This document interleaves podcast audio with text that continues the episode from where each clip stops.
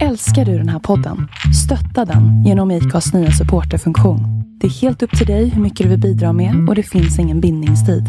Klicka på länken i poddbeskrivningen för att visa din uppskattning och stötta podden. Hej, det är Paige DeSorbo från Giggly Squad. High quality fashion without the price tag. Say hello to Quince.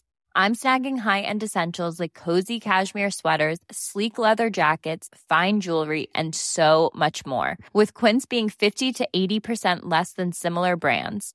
And they partner with factories that prioritize safe, ethical, and responsible manufacturing. I love that. Luxury quality within reach. Go to quince.com slash style to get free shipping and 365-day returns on your next order. quince.com slash style.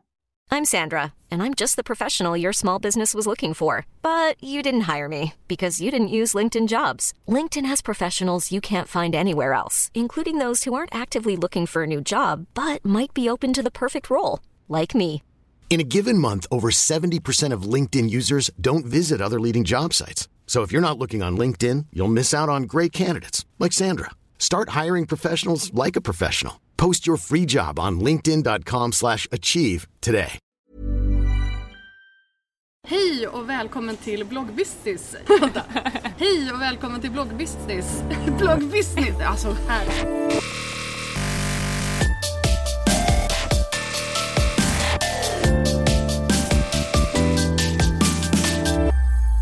Hej och välkommen till bloggbusiness. En podcast från Better bloggers, Sveriges yrkesnätverk för bloggare och online influencers. Jag heter Linda Hörnfeldt och är grundare av Better bloggers. Till vardags så bloggar jag på lalinda.se. Hörni, ni har väl inte missat att att eh, biljetterna till Bibicon har släppts. Den 28 maj så blir det Better Bloggers Conference, Bibicon, här i Stockholm. Där man får mingla loss med eh, en massa andra sköna bloggare och influencers. Man får härliga föreläsningar, man får träffa bloggstjärnor och eh, men främst får man liksom nätverka och lära sig mer om den här branschen som vi rör oss i. Just nu så eh, bjuder vi på ett early bird-pris som eh, är 495 kronor för en hel dag. Då får man lunch och eh, frukost och eftermiddagsfika plus en massa sköna utställare eh, och sen självklart alla föreläsningar. Så att det tycker jag att du ska investera i om du vill utveckla din bloggbusiness. Nu ska ni få träffa veckans gäst. Ehm, hon heter Jennifer Klingvall och hon har på under ett år blivit en Instagramstjärna av rang. Idag har hon över 115 000 följare från hela världen på sin kanal som bjuder på inspiration och tutorials när det gäller hårstyling och frisyrer. Vid sidan av sina sociala kanaler så pluggar hon till webbkommunikatör för just sociala medier. Något som gör att hon får väldigt bra insikt i båda sidorna av den här influencerbranschen. Vi pratar om hennes Askungesaga, vilket det ändå är. Eh, den här Pretty Woman-sagan som aldrig dyker upp, som bara egentligen är en myt, men hennes är på riktigt. Eh, och hon ger sina bästa tips för hur du lyckas med Instagram. Här kommer min intervju med Jennifer Klingvall.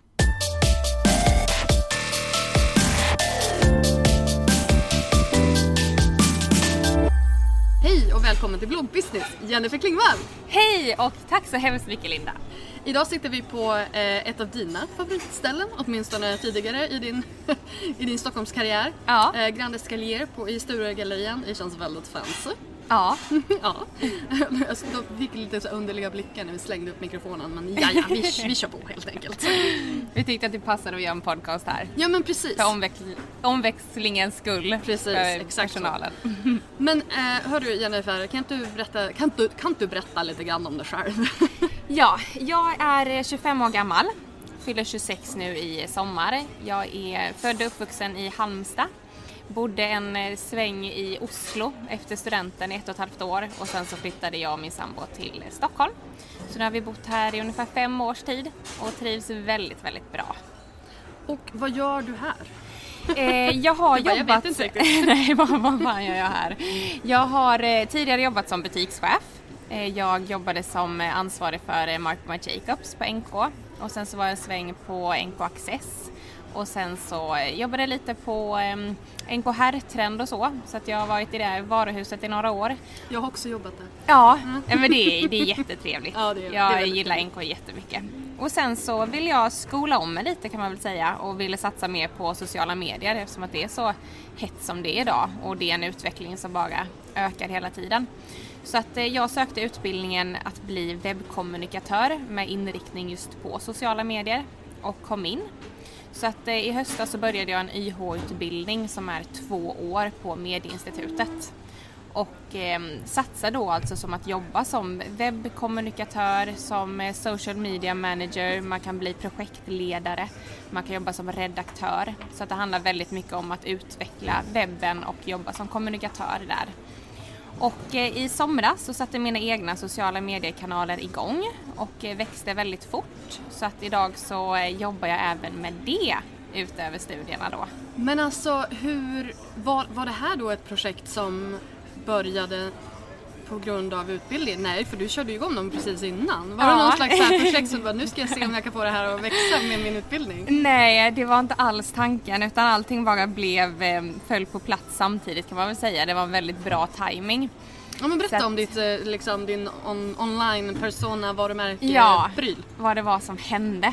Eh, jag satsar mig ju lite extra på eh, hårinspiration och jag har då Instagram som idag har 115 000 följare. Jag har en eh, Youtube-kanal som har runt 10 000 prenumeranter. Jag har en blogg men den är inte aktiv idag. Eh, även en Facebook-sida där jag lägger upp lite hårinspiration och sådär. Så att eh, det är egentligen video som har varit min starka sida. Jag gör 15 sekunders eh, hair tutorials på Instagram och sen så gör jag lite mer hårinspiration på Youtube med lite längre videoklipp. Och det hela började faktiskt i somras. Och det var egentligen en ren tillfällighet för att jag hade väl ungefär 100, nej, 650 följare på Instagram som var mina närmsta vänner och familj och sådär. Härligt att du har 650 ja. närmaste vänner och familj. Känns väldigt, väldigt bra. Nej men det var väl lite annat folk också, det var svårt att veta. Men eh, då hade jag köpt ny mobil. Jag hade köpt en, eh, en iPhone och jag ville testa eh, den här appen iMovie. Och laddade ner den och ville göra någon form av video och visste inte riktigt vad jag skulle göra och vad jag skulle ladda upp. Och då i samma veva så hade många börjat göra sminktutorials på Instagram. Och då tänkte jag att nej, jag gör en liten frisyr som jag kan testa och lägga upp så gör jag någonting annat eftersom att det är hår så att det skiljer sig. La upp den eh, videon och taggade med hairstyle, hair tutorial, eh, braid eller någonting sånt skrev jag också. Och då visste inte jag riktigt hur stort det skulle bli eller att det fanns en marknad för just hårinspiration. Så att då vet jag att jag stod och jobbade på NK en dag på sommaren där och såg att det bara exploderade på mobilen och det var följare efter följare och folk kommenterade och likade och så tänkte jag men vad har hänt? Så gick jag in på Instagram och då var det ett spanskt konto som då hade 2,8 miljoner följare. Oh, sådär ja. ja. Eller hur? Som hade delat det här videoklippet då. Eh, och då förstod jag ju att hjälp, här är någonting jag kan bygga vidare på. Folk vill se hår, folk vill få lite enkel inspiration. Och då började jag göra lite fler tutorials, jag började att ta med bilder på hår och på flätor och eh, de här sakerna som jag gjorde delade sedan vidare på väldigt stora konton. Eh, så att på tre veckor så vet jag att jag hade fått 10 000 följare. Ja, så det gick jättefort och jag tänkte hela tiden att imorgon kommer det stanna av imorgon så slutar ju folk och imorgon så kommer folk att sluta följa mig och det här kommer ju inte fortsätta att växa. Mm. Och det gick så himla himla fort så att eh, jag hade väl en ökning med 10 000 följare var tredje och fjärde vecka.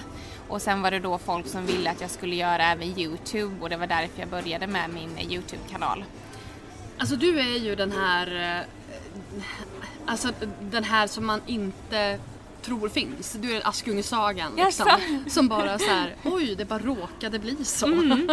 För att det händer ju inte i vanliga fall. Man Nej. tragglar och man kämpar och man har sig och så helt plötsligt så, så kommer, kommer du Askungen och, och man hatar dig lite grann. Ja. Förlåt. det är okay. Jag kan inte hjälpa det. Är okay. Nej men alltså jag tycker bara det är så spännande. Varför tror du att just du att det gick så bra liksom? Och att de stannade? Ja, jag tror att det har väldigt mycket att göra även med tajmingen. att det hade blivit just att videoklipp blev väldigt populärt på nätet. Både på Facebook och Youtube har det ju varit ett tag men att just Instagram blev väldigt stort. Och sen så tajmingen med just hår, för att smink hade ju funnits ett tag och det hade man ju sett ganska mycket. Men helt plötsligt så var det någon som gjorde väldigt enkla frisyrer. Och jag tror att det också handlade om att det jag gör är lite att vem som helst ska kunna göra det. Och att det är lite mer hemmakänsla. Det är inte det här att man sitter i en jätteproffsig studio och sen är det någon jätteduktig frisör som gör någon bröllopsuppsättning mm. på mitt hår eller så. Utan det, det, är väldigt personligt, det är ganska enkla saker. Ehm, och det är det jag tror folk tycker om. Och sen just tajmingen med att hår exploderade i höstas. Mm. Så det alltså, tror jag. Jag, jag är ju en av de som, som följer och, och inspireras av ditt Instagramkonto för att ja. jag tycker att det är Alltså det blir jättefina grejer på, på, på ett väldigt liksom enkelt sätt. Ja. Jag, det jag känner dock det är ju att du har ju liksom drömhåret. Ja. det, det så här lilla striporna. oh, så jag känner ju inte så själv men man är ju ganska självkritisk. Ehm, det är man ju. Så att, jag eh, är jätteglad att du, att du tänker så i alla fall och att du tycker det är kul att, att följa mig. Ja men jag känner nog att eh, det, det känns ändå som att man skulle kunna göra det själv. Ja. Men alltså hur blev du bra på hår då? För du, jag menar just det här butikschef, ja. Eh, du är ju inte frisör i botten. Nej, inte alls.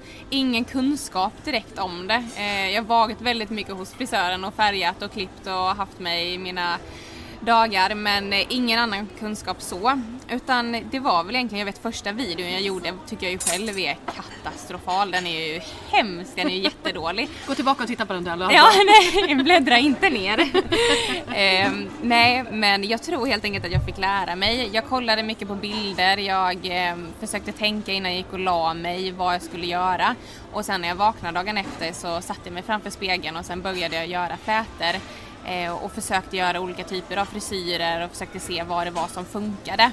Så att jag har verkligen lärt mig helt själv. Det är ingen annan som har liksom gjort någonting på mig, ingen annan som har sagt hur jag ska göra utan bara fått, fått lära mig på egen hand. Men Alltså när, när man börjar med en sån här grej, man, man ger sig in på någonting som är helt nytt. Ja. Alltså vad är tjusningen? Varför, varför gör du det?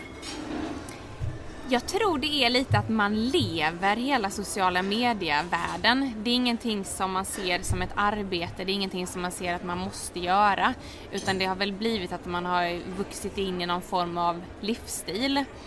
Och sen är jag väldigt glad att det här hände mig nu, när jag är 25 år för att jag har ett väldigt stabilt liv utanför sociala medier. Jag har min pojkvän, vi har varit tillsammans i sju år efter sommaren. Eh, jag har väldigt, väldigt, väldigt nära min familj, jag har mina närmsta vänner, jag har min utbildning, jag har liksom tydliga mål vad jag vill göra i livet. Så att allt som händer utöver eh, eller det som händer med mina sociala medier, det är egentligen bara ett väldigt stort plus i mitt liv. Vilket gör att jag kan se det som en hobby och jag kan göra det för att jag tycker det är väldigt roligt. Jag tror att hade jag kanske varit 15 år och inte vetat vad jag skulle göra med mitt liv och få alla de möjligheterna som dyker upp nu, då tror jag att jag hade satt en väldigt högre press på mig själv och jag hade tagit det med väldigt så här blodigt allvar att det här måste jag göra och det finns inget annat än sociala medier. Nu kan jag på något sätt koppla bort att skulle mitt Instagramkonto blir hackat eller att jag känner att nej jag vill inte göra ja, detta. Ja eller hur, det får inte hända. Nej. Men du har i alla fall någonting att falla tillbaka till. Så därför tror jag att jag gör det för att nej men jag lever mitt egna varumärke och jag tycker det är väldigt, väldigt roligt. Ehm, och det öppnar ju många dörrar och så också. Ja, för jag känner att nu med din utbildning och sådär, nu, nu går ju, börjar de två gå lite grann hand i hand. Ja. Eh, känner du att du nyttjar nyttjar, det är klart att du gör, men på vilket sätt nyttjar du då kunskapen som du får genom din utbildning i din, eh, i din liksom, med ditt online-varumärke och tvärtom? Ja, eh, just själva utbildningen, då är det ju väldigt mycket hur man jobbar med företag och i företag. Så att på det sättet så lär jag mig hur det är att jobba i ett team och att kanske vara, nu bara hittar jag på någonting, men vi säger en webbshop hur jobbar en webbshop med sociala medier? Hur jobbar de ut mot sina kunder? Samtidigt som jag själv som privatperson, som mitt varumärke, förstår hur det är att vara på den andra sidan.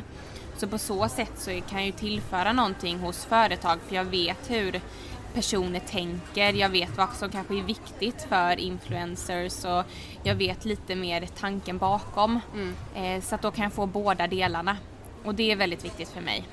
För det jag egentligen tänker efter utbildningen det är ju att jag kanske antingen satsar 100% på mina kanaler och vem jag är som, som person och vad jag vill inspirera med och så. Eller att jag då jobbar med företag och jobbar i team för att utveckla det företaget och stärka upp dem på marknaden.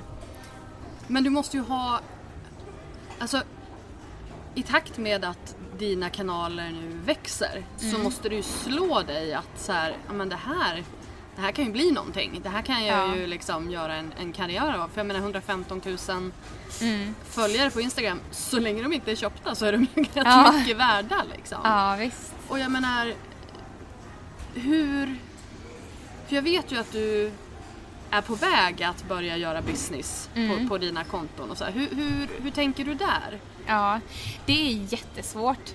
För det som är med sociala medier det är ju att det är väldigt här och nu. Eh, och när jag nu får erbjudanden och folk vill göra samarbete med mig eller att jag får olika typer av jobb då är det ju väldigt viktigt att jag kanske hakar på det här och nu för att om ett år sen när min utbildning är klar då kanske jag inte alls får samma möjligheter för då är det andra personer som är i hetluften och det är andra personer som är mer intressanta än vad jag är kanske. Så att jag måste verkligen ta vara på alla möjligheter jag får nu. Samtidigt som att vill jag inte jobba med sociala medier själv om vi säger tre år då vill jag fortfarande ha min utbildning. Så hoppar jag av min utbildning nu så jag är rädd att om jag tre år att jag tänker att nej men gud jag skulle verkligen behöva den där utbildningen. Jag får gå om den igen. Så att det är verkligen en kombination nu att försöka kunna jobba med eller kunna plugga med eh, min utbildning och sen kunna ha andra jobb vid sidan av. Och det är svårt. Jag kan säga att det är de, de senaste tre veckorna har varit ganska kaos faktiskt. Kaos, hur då? Berätta. Ehm, jag går i skolan från 9 till 4 varje dag. Jag har bara tisdagar som jag är ledig. Ehm, folk vill ha möten och då jobbar de måndag till fredag. Så att då blir det att eh, skolan kanske blir lite lidande för att man ska ha möte med någon.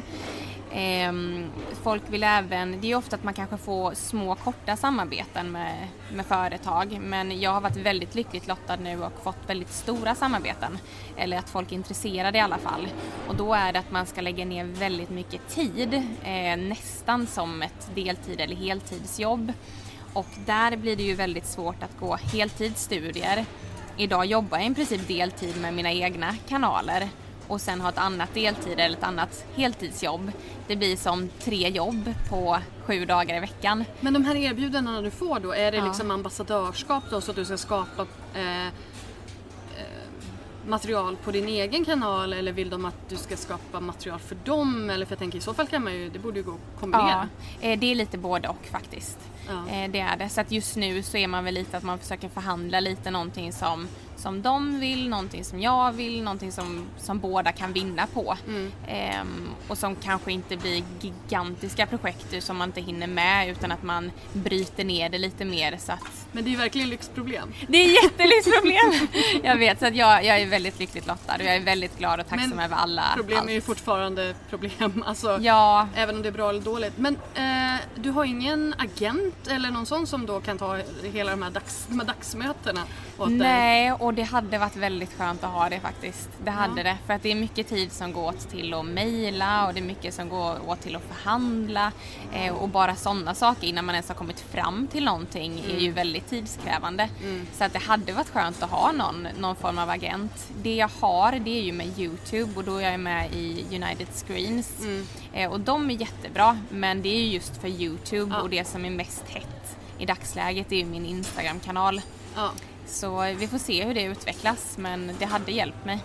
Hur, hur känner du att, för jag menar just den här hårgrejen, alltså mm. det, du är ju jätteduktig och det är liksom, det är, du skapar väldigt bra innehåll men det jag tänker är att en sån grej som enbart fokuserar på um, det är lite opersonligt. Ja. Det, är det, det är det jag vill komma fram till.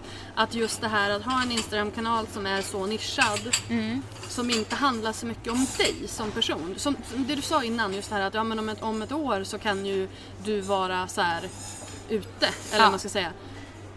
Hur, hur tänker du där? För jag menar just det här att om man vill bygga långsiktigt och bygga just sitt varumärke och sådär. Att då bli mer personlig. Ja, Och för jag menar, det jag säger hela tiden det är ju liksom att det är ju din person som folk connectar med. Mm. Och det är det som gör att man fortsätter följa en person över olika kanaler. Det är ju Ja. personligheten och kanske inte bara ämnet. Mm. Ehm, hur, hur tänker du där? Känner du att, att det finns ett intresse för dig som person också? Nu, alltså det låter jättehemskt men, men, men du förstår vad jag menar. Ja. Och för att du hade ju en blogg men den är inte så aktiv. nej. Hur, hur tänker du liksom långsiktigt? Mm. Tanken var väl egentligen med bloggen för att jag har bloggat i väldigt många år men har varit sådana här perioder att ibland är det fem inlägg om dagen och så kan det gå en vecka och så har jag inte bloggat. Tanken var väl när allting drog igång att jag skulle ha bloggen just för att kunna lägga upp fler bilder på samma frisyr till exempel, lägga upp alla videos men sen också då skriva inlägg eh, där jag är mer personlig.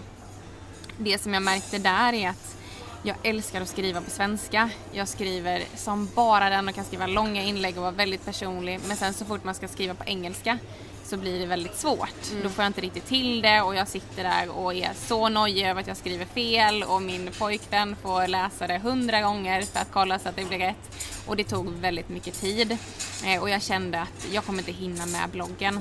Och eh, därför fick jag ha en liten paus från den nu. Och sen är jag väl lite mer personlig just i Youtube-klippen. Men sen när det gäller hår, det har ju varit väldigt hett nu under hösten och nu har det ju verkligen en topp känns det som. Man ser ju hår och man ser flätor överallt.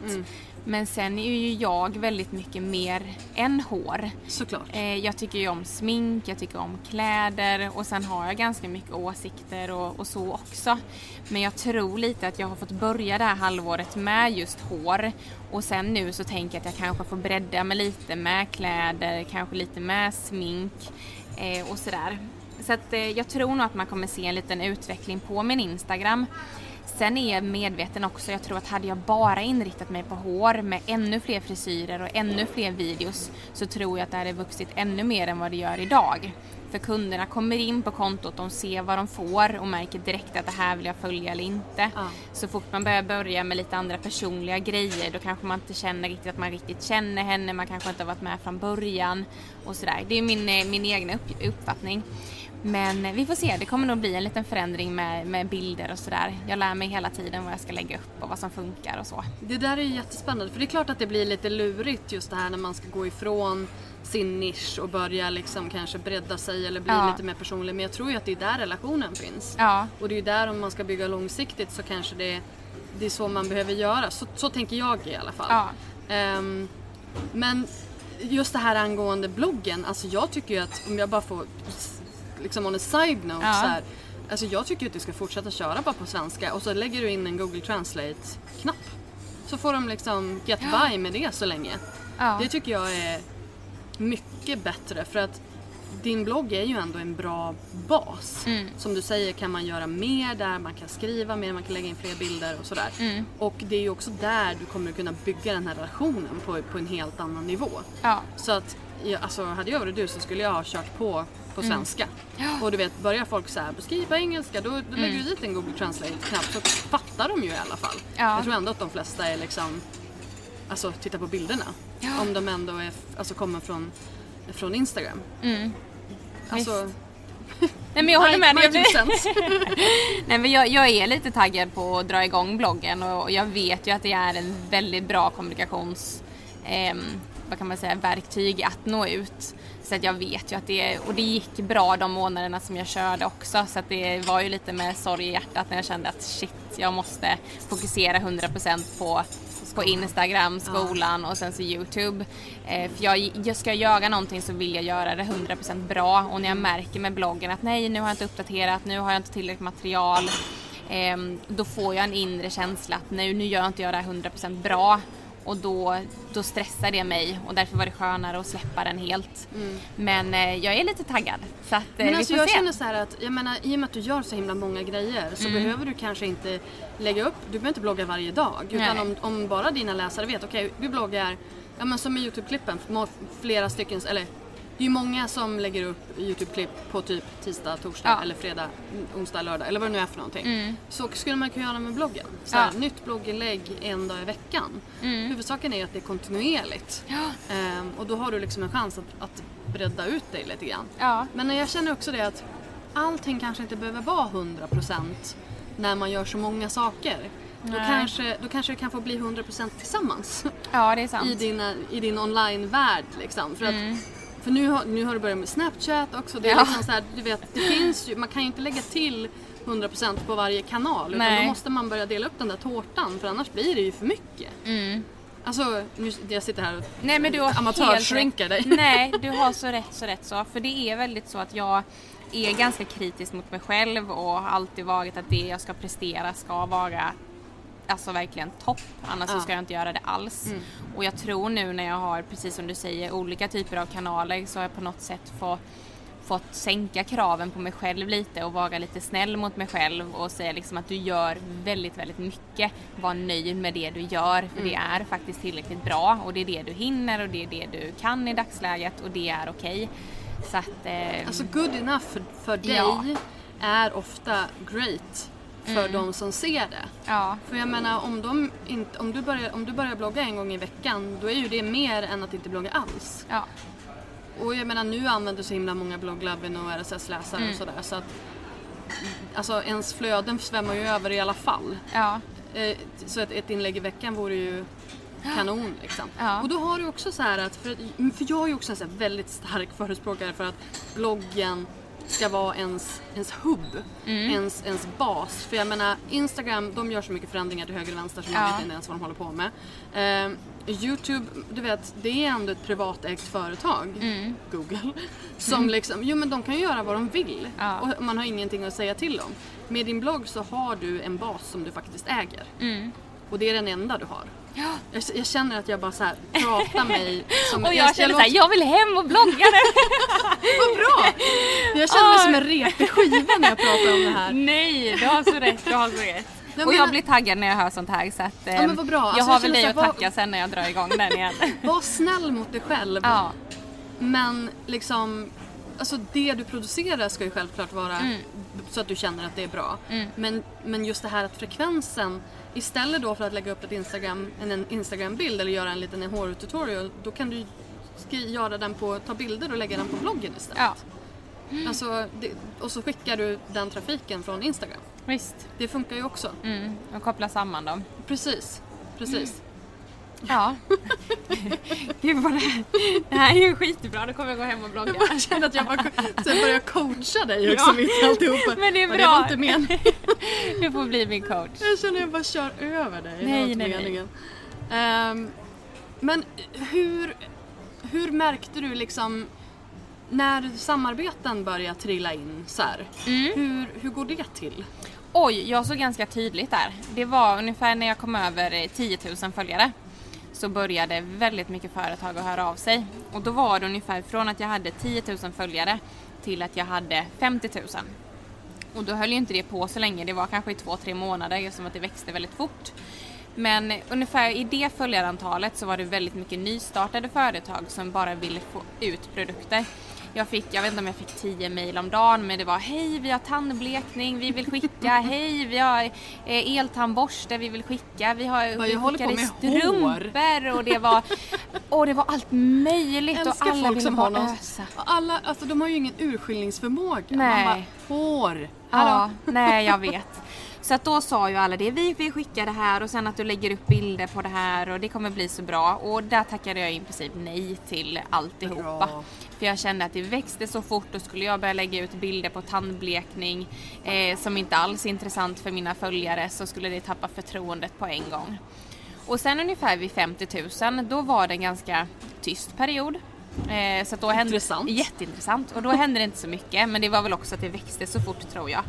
Eh, så att det är inte så att det höll på De under väldigt svungade lång bara tid. förbi 50 000. Ja, men li- lite så. Nej, Hey, I'm Ryan Reynolds. At Mint Mobile, we like to do the opposite of what Big Wireless does. They charge you a lot, we charge you a little. So naturally, when they announced they'd be raising their prices due to inflation, we decided to deflate our prices due to not hating you.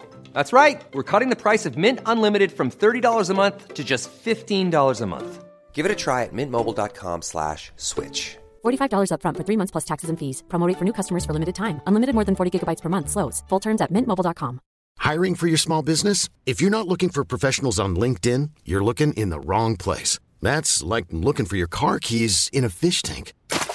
LinkedIn helps you hire professionals you can't find anywhere else, even those who aren't actively searching for a new job but might be open to the perfect role. In a given month, over 70% of LinkedIn users don't even visit other leading job sites. So start looking in the right place. With LinkedIn, you can hire professionals like a professional. Post your free job on linkedin.com slash achieve today. Ever catch yourself eating the same flavorless dinner three days in a row? Dreaming of something better? Well, HelloFresh is your guilt-free dream come true, baby. It's me, Kiki Palmer.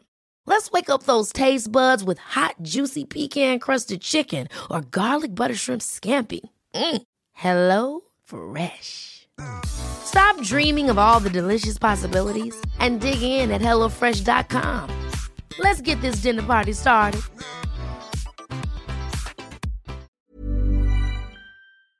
Men sen så när jag kom över 100 000, då hände det grejer. Då var det mer de stora företagen som hörde av sig, det var mer större samarbeten som de är intresserade av att dra igång.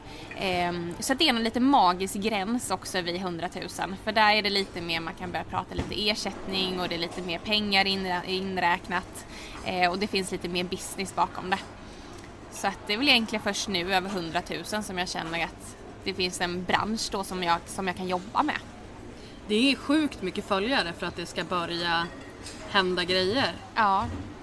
Men det är väl också det som är problemet med Instagram som jag ser det. Det är att det är så svårt att mäta. Ja. Eh, det är svårt att veta vilka de här följarna är. Ja. Alltså det finns inte riktigt några bra statistikverktyg som, där, där du då visar okay, hur gamla är de, vad, de, vad är det för kön, mm. um, vart bor de?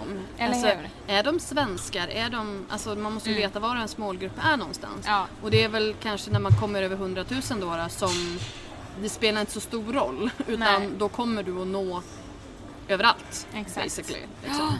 Och jag vet att när det började växa då var jag ju jag var ju en supernörd på Instagram för att jag ville verkligen veta vad det var för folk som följde mig. Ja. Så att jag klickade ju in på personer som följde, jag kollade igenom deras feed, jag likade ganska mycket, kanske kommenterade. Ehm, och skapade en, liksom en relation med vilka det var som följde mig. Ja. Men sen gick ju inte det efter Nej. ett tag, jag kunde inte gå in på allihopa. Men då fick jag väl en, en bild av att det var tjejer mellan 13 och 17 år som ja, var intresserade av hår och lite skönhet och sådär. Ja. Men sen efter det så har det ju bara blivit väldigt mer spritt och det är i olika länder och sådär. Så att nu har jag inte alls Nej, har du någon koll på, på din Alltså har du något statistikverktyg eller? Jag vet att eh, när jag låg strax under 100 000 så vet jag att 20% var från USA. Och sen är det väldigt spritt. Det är... Var fick du de siffrorna ifrån? Vad använde du? Eh, oj, var det Icon Square tror jag? Ja. Som jag eh, laddade ner en app. Ja. Och då var det att när jag laddade ner den så fick jag ett första försök med att se var majoriteten Ah. var ifrån. Och då fick jag fram en karta att USA hade betala. 20. Ja, och nu Ja. har inte jag riktigt kunnat, nej men jag kan inte hitta den funktionen igen. Så att jag, Men jag har tror att de har börjat med betal... Ja. Och jag, vet, jag har inte app, koll på appen men jag har Nej. koll på sajten.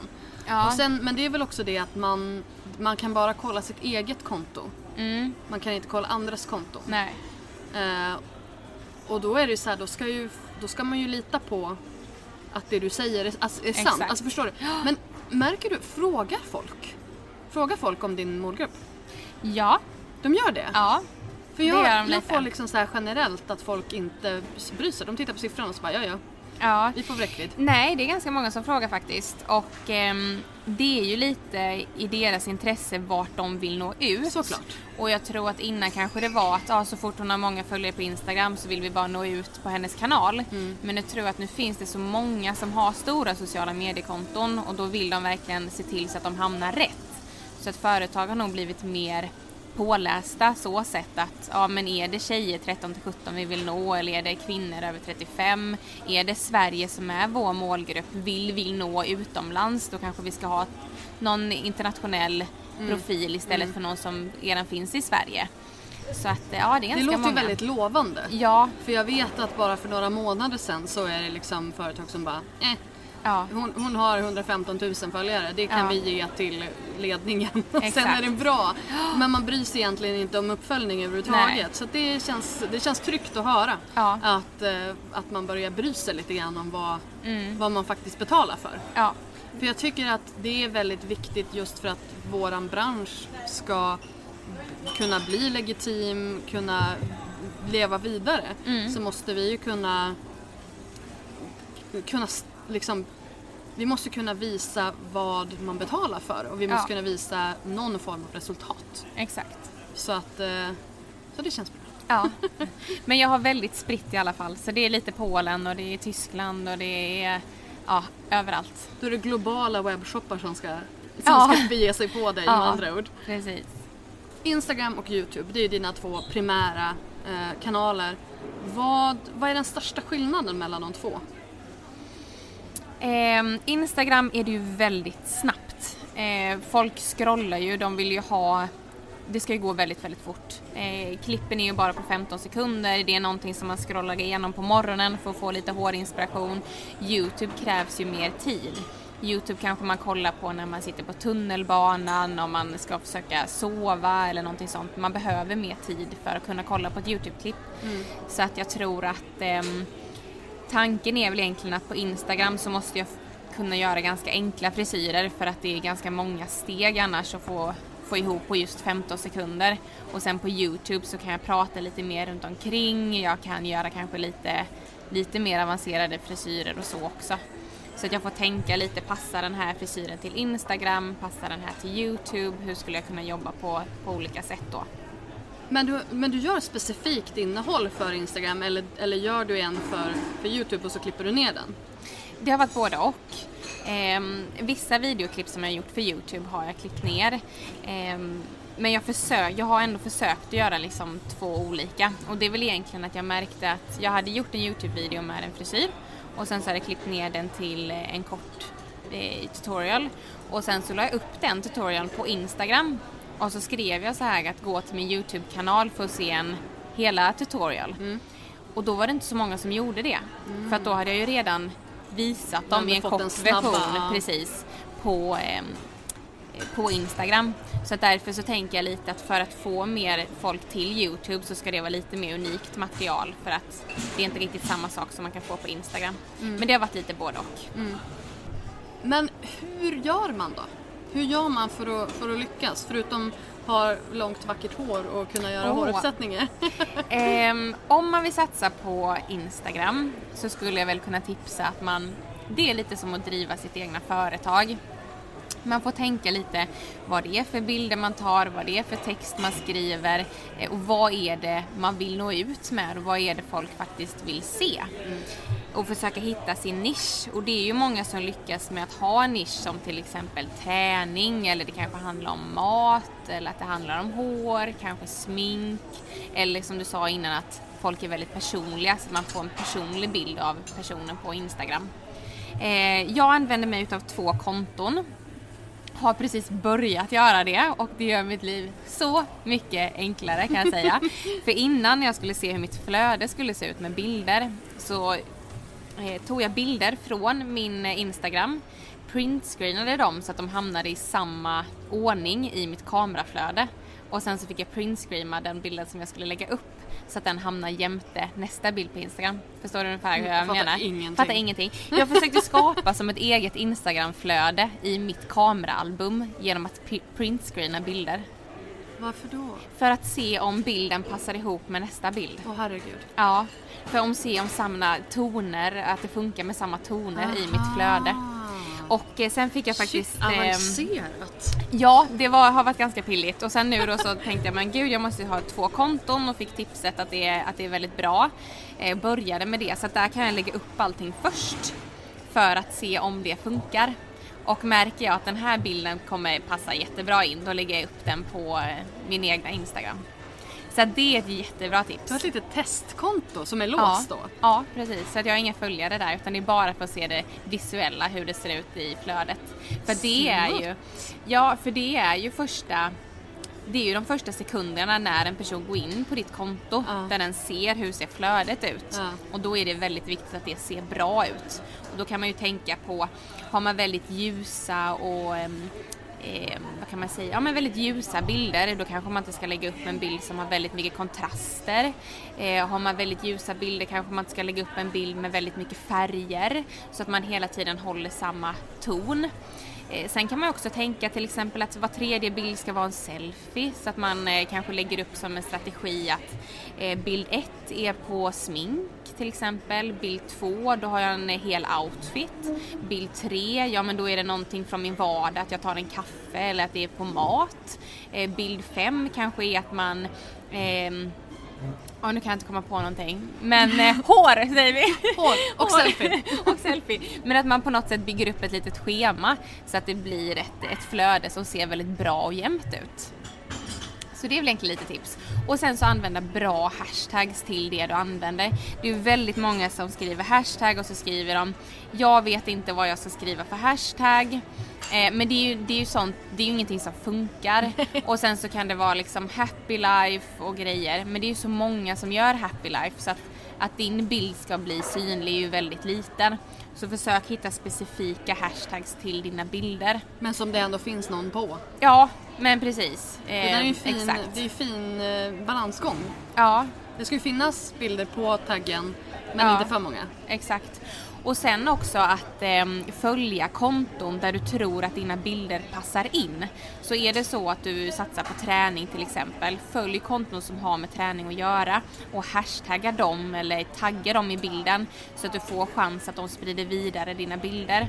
Och det här vet jag kan vara lite känsligt för många kan ju tycka det är lite pinsamt om man startar ett Instagramkonto att skriva massa hashtags, att tagga personer.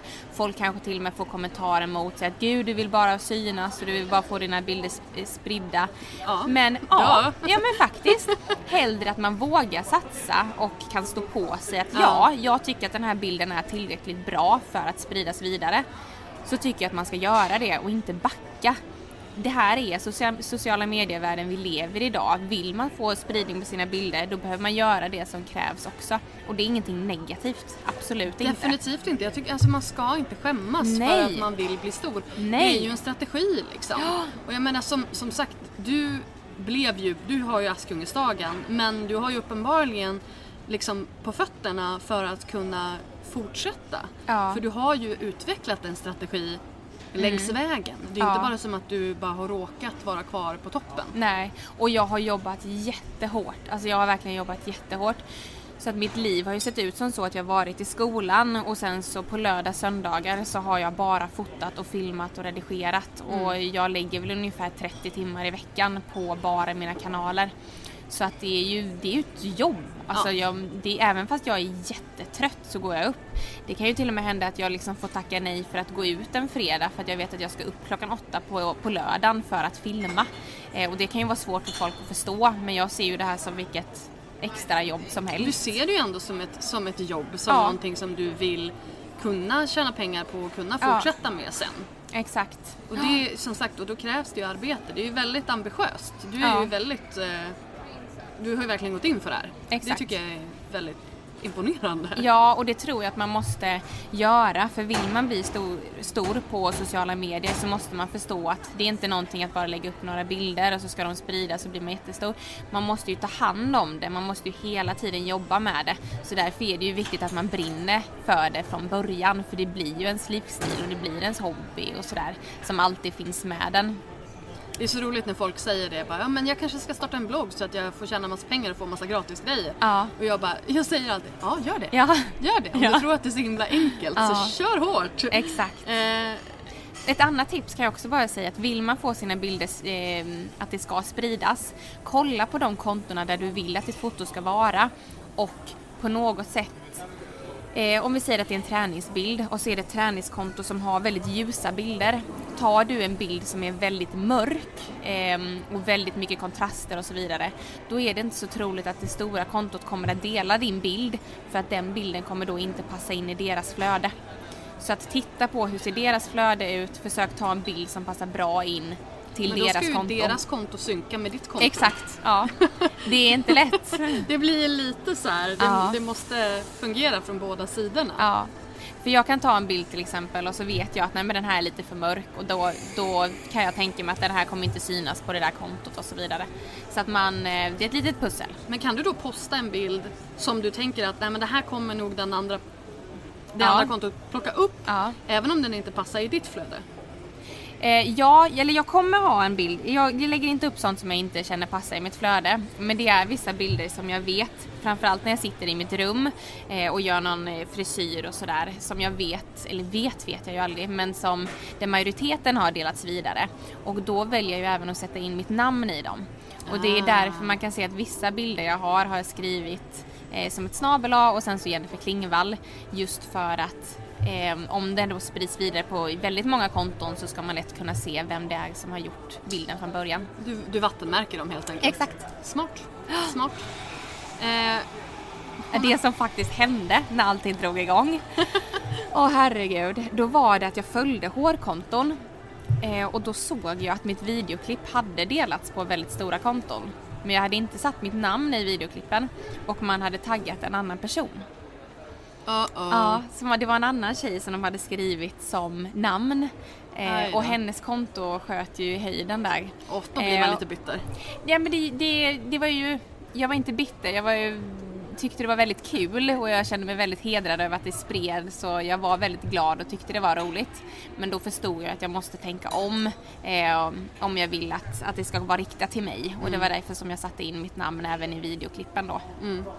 Smart. Ja, Hur ofta postar du? Nu har det sänkts lite och det är egentligen bara på grund av tidsbrist. Eh, Men tidigare så postade jag ungefär två bilder om dagen.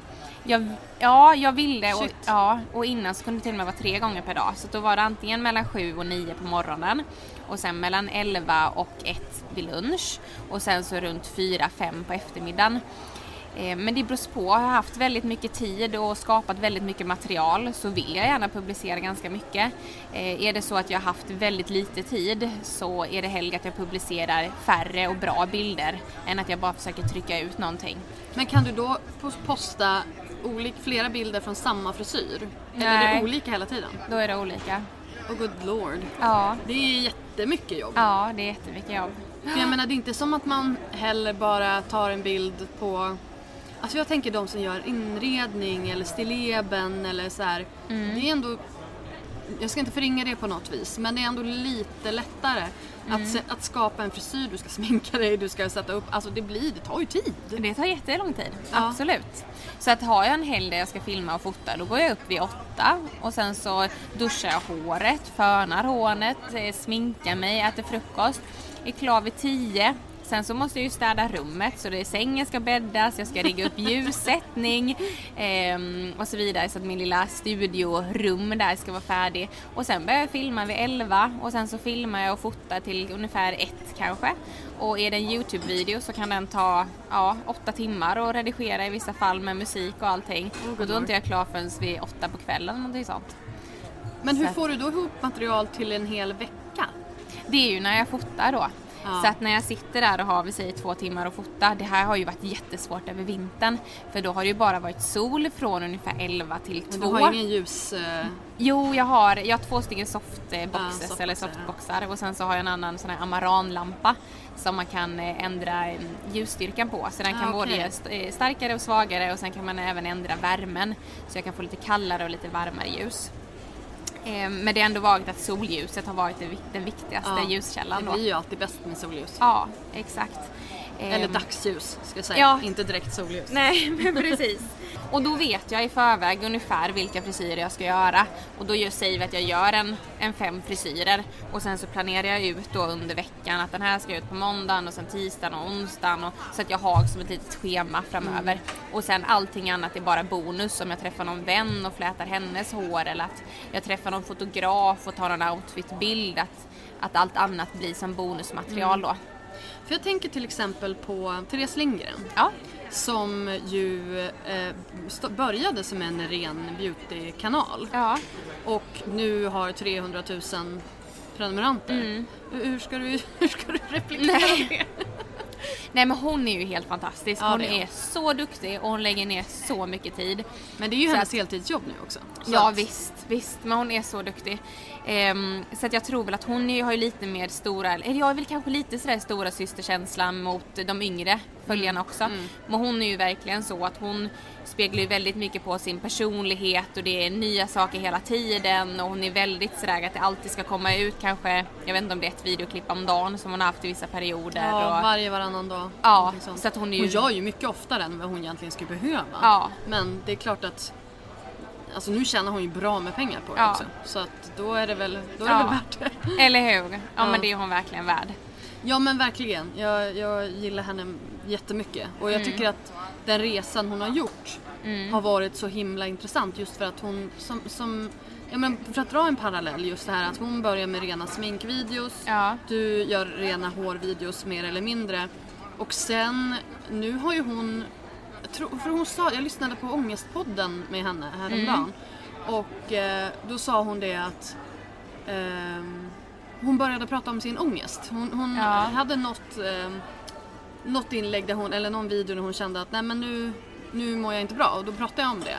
Och då sköt hennes kanal iväg. Ja. För att hon blev så personlig. Ja. Och det tycker jag är så spännande för nu är det ju verkligen i väldigt många videos, alla vloggar, hon är osminkad, hon är Mm. väldigt liksom avskalad och väldigt eh, på riktigt på Ja. något vis liksom. Och jag tycker, det, jag tycker det är så viktigt just för alla unga tjejer som Ja. följer henne. Ja. Att kunna se att hon behöver inte sitta och sminka sig två timmar för en video. Eh, utan hon kan vara helt osminkad och hon kan gå i pyjamas och tvätta säger vi. Man får se liksom verkligheten istället för någonting som är lite Nej jag ska inte säga påklistrat överhuvudtaget men eh, man får verkligen Arrangerat. Ja men precis, Ja. att man får se verkligheten bakom och det är väldigt viktigt tror jag för unga tjejer idag att få Att man kan få både Ja, och. exakt. För jag menar sen är det ju också det här, och det här är en helt annan diskussion, men just det här om att smink behöver inte handla om att man måste vara sminkad, man måste vara uppstyrd, utan det är ju för att det är roligt. Ja. Det är kul med eh, det, smink kan bara vara roligt. Det behöver inte vara ett statement, det behöver inte vara behöver inte handla om dålig självkänsla. Det kan bara få vara. Ja. Och det tycker jag är skönt, just det här att hon är inte sminkad i varenda video. Självklart så får man också vara det, det är inte det jag säger, men just det här att man åtminstone att man får hela bilden Ja. på något vis. För hon, är ju, fort- hon kör ju fortfarande sådana videos där hon är jättedolled upp och sitter framför kameran och bara hej hej och kör liksom hela den biten. Och jag tycker det är så himla härligt att man får hela, Ja. hela spektrat. Gud vad vi snöade in på Therese Lindgren Ja. plötsligt, vad härligt. Ja. Men det, men det jag menar är att du har ju en väldigt Alltså du är väldigt vältalig, du är väldigt, ja, men det här är ju liksom säljaren i dig. Eh, att du är väldigt, ehm, du har ju en bra videopersonlighet. Tack. Som, som definitivt skulle fungera på ett bredare, i ett bredare, bredare spektrum också. Ja. Sen är det, det kanske, jag vet inte om det är, om det är dumt att säga det, men sen tror faktiskt inte jag att jag hade velat jobba som heltids-youtubare. Och det är just för att det tar väldigt mycket Alltså det blir ju ditt liv att filma och skapa videos och det är också ganska ensamt. Alltså det man gör det är ju att man, man riggar upp allting själv. Du sitter och filmar själv, visst man kan ju göra samarbete med andra och så, men sen filmar du själv och sen sitter du och redigerar själv. Och jag är väldigt beroende av att vara med människor och jobbar i team och älskar att jobba i team och ta fram saker ihop. Och det kan man ju också göra som vissa youtubers och sådär. Men eh, jag tror att bara sitta och bara göra youtube och bara satsa på den kanalen. Det hade inte riktigt funkat för mig. Mm. För att jag måste ha människor runt omkring mig, jag måste utveckla saker och ting tillsammans. Eh, och det är därför min utbildning är väldigt viktig för mig, för att kunna kombinera mina kanaler på min tid och sen även kunna jobba med företag eller jobba i team. Men det är ju ett perfekt yrke som du utbildar dig till. Ja. Därför att man kommer ju aldrig ha... Man kommer, man kommer ju alltid ha förståelse för det du gör på sidan av. Eller liksom för din social medie person, per, person Ja. persona. Ehm, I och med att den ligger så himla nära ditt yrke. Och det är väl där jag personligen också kan känna att för jag har ju många vänner som är såhär, men jag kan inte lägga ut sådär mycket för jag kan inte uttrycka mig på det där sättet därför att de har andra sorters jobb och andra Ja. sorters arbetsgivare. Jag som har mig själv som arbetsgivare, min arbetsgivare är väldigt eh, snäll och eh, du vet eh, erkännande Ja. och tycker att jag kan ta alla de här svängarna Ja. liksom. Ja. Eh, men det är inte alla som kan göra det. Så att för dig så är ju din närvaro på sociala medier är ju förmodligen bara en fördel för då syns det ju att du fattar grejen. Ja. Ja men det tror jag med. Det var, ja. Ja. Det var ingen men- fråga Ja. inbyggd där utan det var bara ett konstaterande. Ja, Varsågod. nej, men, nej men jag vet inte vad jag ska svara på det men jag tror att det är så som du säger att jag menar jag har ju alltid tyckt om sociala medier också men det var väl egentligen lite med skolan eh, som gjorde att jag kunde satsa lite mer på det just för att jag fick fri min tisdag. Eh, och sen så ibland så har det varit att man inte haft, det har varit någon lektion inställd på, på eftermiddagen och då har jag kunnat filma och fota och sånt då också. Så jag tror att just att jag började plugga har gett mig ändå lite mer frihet att, att kunna jobba med sociala medier. Innan när jag jobbade så jobbade jag ju konstant. Alltså det var ju 12 timmars pass och det var, jag har jobbat väldigt, väldigt mycket. Eh, och jag hade aldrig någonsin hunnit med att jobba just med sociala medier som jag gör idag. Så på något sätt så öppnade min utbildning eh, möjlighet för mig att kunna jobba mer fritt eh, med sociala medier. Så att jag tror att hade jag jobbat heltid på NK i, i höst då hade inte det här hänt. Sen fick jag ju säga upp min tjänst på NK. Jag jobbade lite extra på helger eh, och det fick jag säga upp för att kunna filma istället. Så det har jag ju faktiskt gjort. Jag har ju sagt upp mitt jobb för sociala medier. Så får jag Men- väl säga. Men alltså om ett år nu då när du, Ja. är, när du är klar med utbildningen, Ja. lite drygt. Ja. Eh, hur ser liksom den, den ultimata tillvaron ut? Den ultimata tillvaron ser ut som så att jag jobbar med mina, mina sociala kanaler. Jag kör både Instagram, Youtube, kanske bloggar lite mer personligt om mitt liv och lite mer bilder. Och sen eh, att jag gör saker med företag. Att det kan vara att jag jobbar som konsult för att bygga upp något företag på sociala medier. Det kan vara att jag jobbar i ett team med deras sociala mediekanaler. Det kan vara att jag föreläser, att jag åker runt i, i Sverige och pratar om Instagram och vad kanske unga ska tänka på, vad företag ska tänka på. Eh, jag kanske har en eh, klädkollektion. Eh, jag, kanske har, jag kanske har ett eget företag. Jag kanske jobbar eh, Var som... eh, klädkollektionen Hallå! Alltså jag har ingen aning. Jag har så mycket saker som jag, Jag vill såg det, göra. bara, det, så här glänste till i ögat och sen bara spårade Ja, jag har väldigt mycket jag vill göra och jag har väldigt mycket drömmar och väldigt mycket mål och har alltid haft. Och jag tycker det är så viktigt att jobba för de målen. Jag hade som mål i så många år att jag skulle sitta på Nyhetsmorgon på TV4.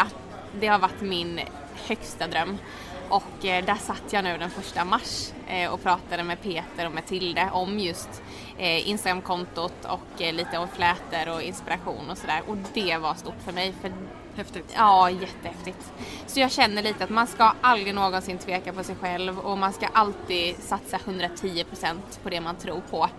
Eh, och sen så tror jag att, eh, nej, man har alla förutsättningar för att, för att göra det man vill helt enkelt. Det gäller bara att tro på sig själv och inte sluta kämpa. Det där tycker jag var ett helt lysande avslut Ja, på den här podden. Ja. Hade du planerat det? jag har övat så mycket på de där fraserna. Nej då, det kommer naturligt, men så är det. Sluta aldrig tro på dig själv, kör ditt race. Bry dig inte om andra tycker det är fel med hashtags och grejer. Utan eh, det kan lika väl vara du som, som lyckas. Tack snälla för att du var med i Blogg Business Jenny. Tack ska du ha.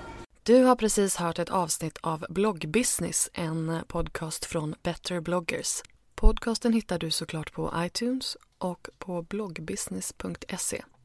Vi finns även på Facebook, på Twitter och på Instagram at betterbloggers.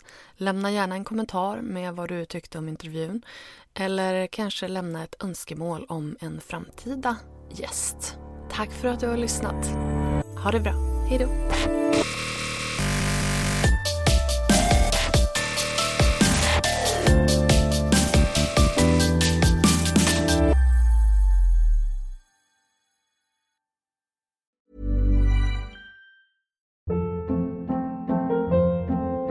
Hold up. What was that? Boring. No flavor. That was as bad as those leftovers you ate all week. Kiki Palmer here, and it's time to say hello to something fresh and guilt-free. Hello Fresh. Jazz up dinner with pecan-crusted chicken or garlic butter shrimp scampi. Now that's music to my mouth. Hello Fresh. Let's get this dinner party started. Discover all the delicious possibilities at hellofresh.com.